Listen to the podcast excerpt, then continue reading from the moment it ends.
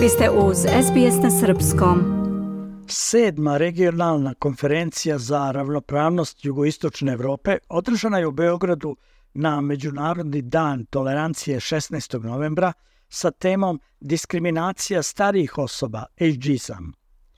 A učestvovali su predstavnici iz Hrvatske, Slovenije, Crne Gore, Bosne i Hercegovine, Severne Makedonije, Albanije i naravno Srbije. Ratni deo konferencije odvijao se kroz panele posvećene izazovima ageizma, višestrukoj diskriminaciji po osnovu starosnog doba, kao i problemima sa kojima se suočavaju starije žene.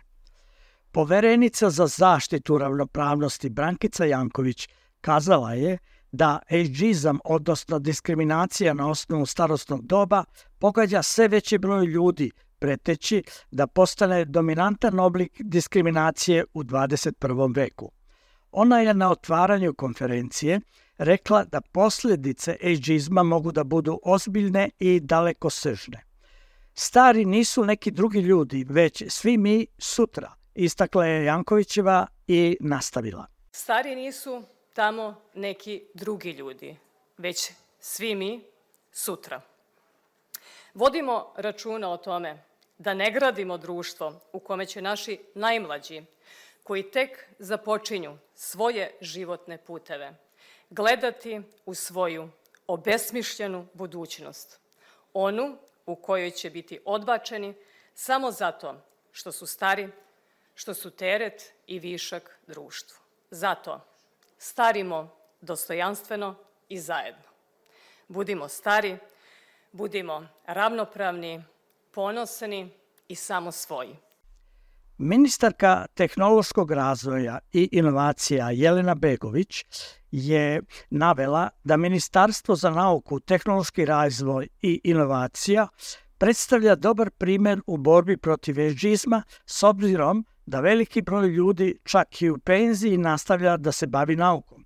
Mogu da kažem da u stvari Ministarstvo za nauku možda e, i predstavlja dobar primer s obzirom da veliki broj ljudi i čak kada su u penziji nastavljaju da se bave naukom i imaju sistem da mogu da budu e, deo naučne zajednice, bez obzira bili u penziji ili ne, bez obzira na godine. Naše ministarstvo takođe vidi to kao jednu širu sliku, a to jeste ravnopravnost i inkluzija svih, uključujući i žena. I te principe u suštini primenjujemo i na stare osobe i e, na sve ostale, da kažem, manjinske, manjinske ili većinske grupacije. Ali inkluzivnost jeste ključ e, cele, celog ovog problema.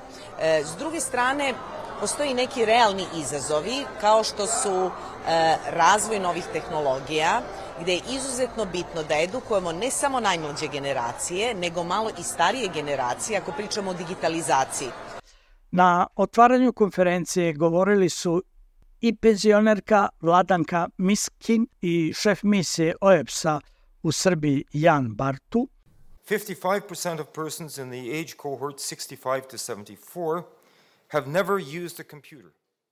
55% stanovništva starosti od 65 do 74 godine nikada nije koristilo kompjuter. 46% nije koristilo internet. To je šokantan podatak koji ukazuje na problem.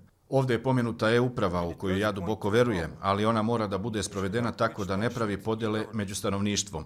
Imamo veliki broj starijih osoba koje nikada nisu bile u blizini pametnih telefona ili kompjutera i kako od njih da očekujemo da se prijave na zdravstveni pregled online ili da kupe voznu kartu preko interneta.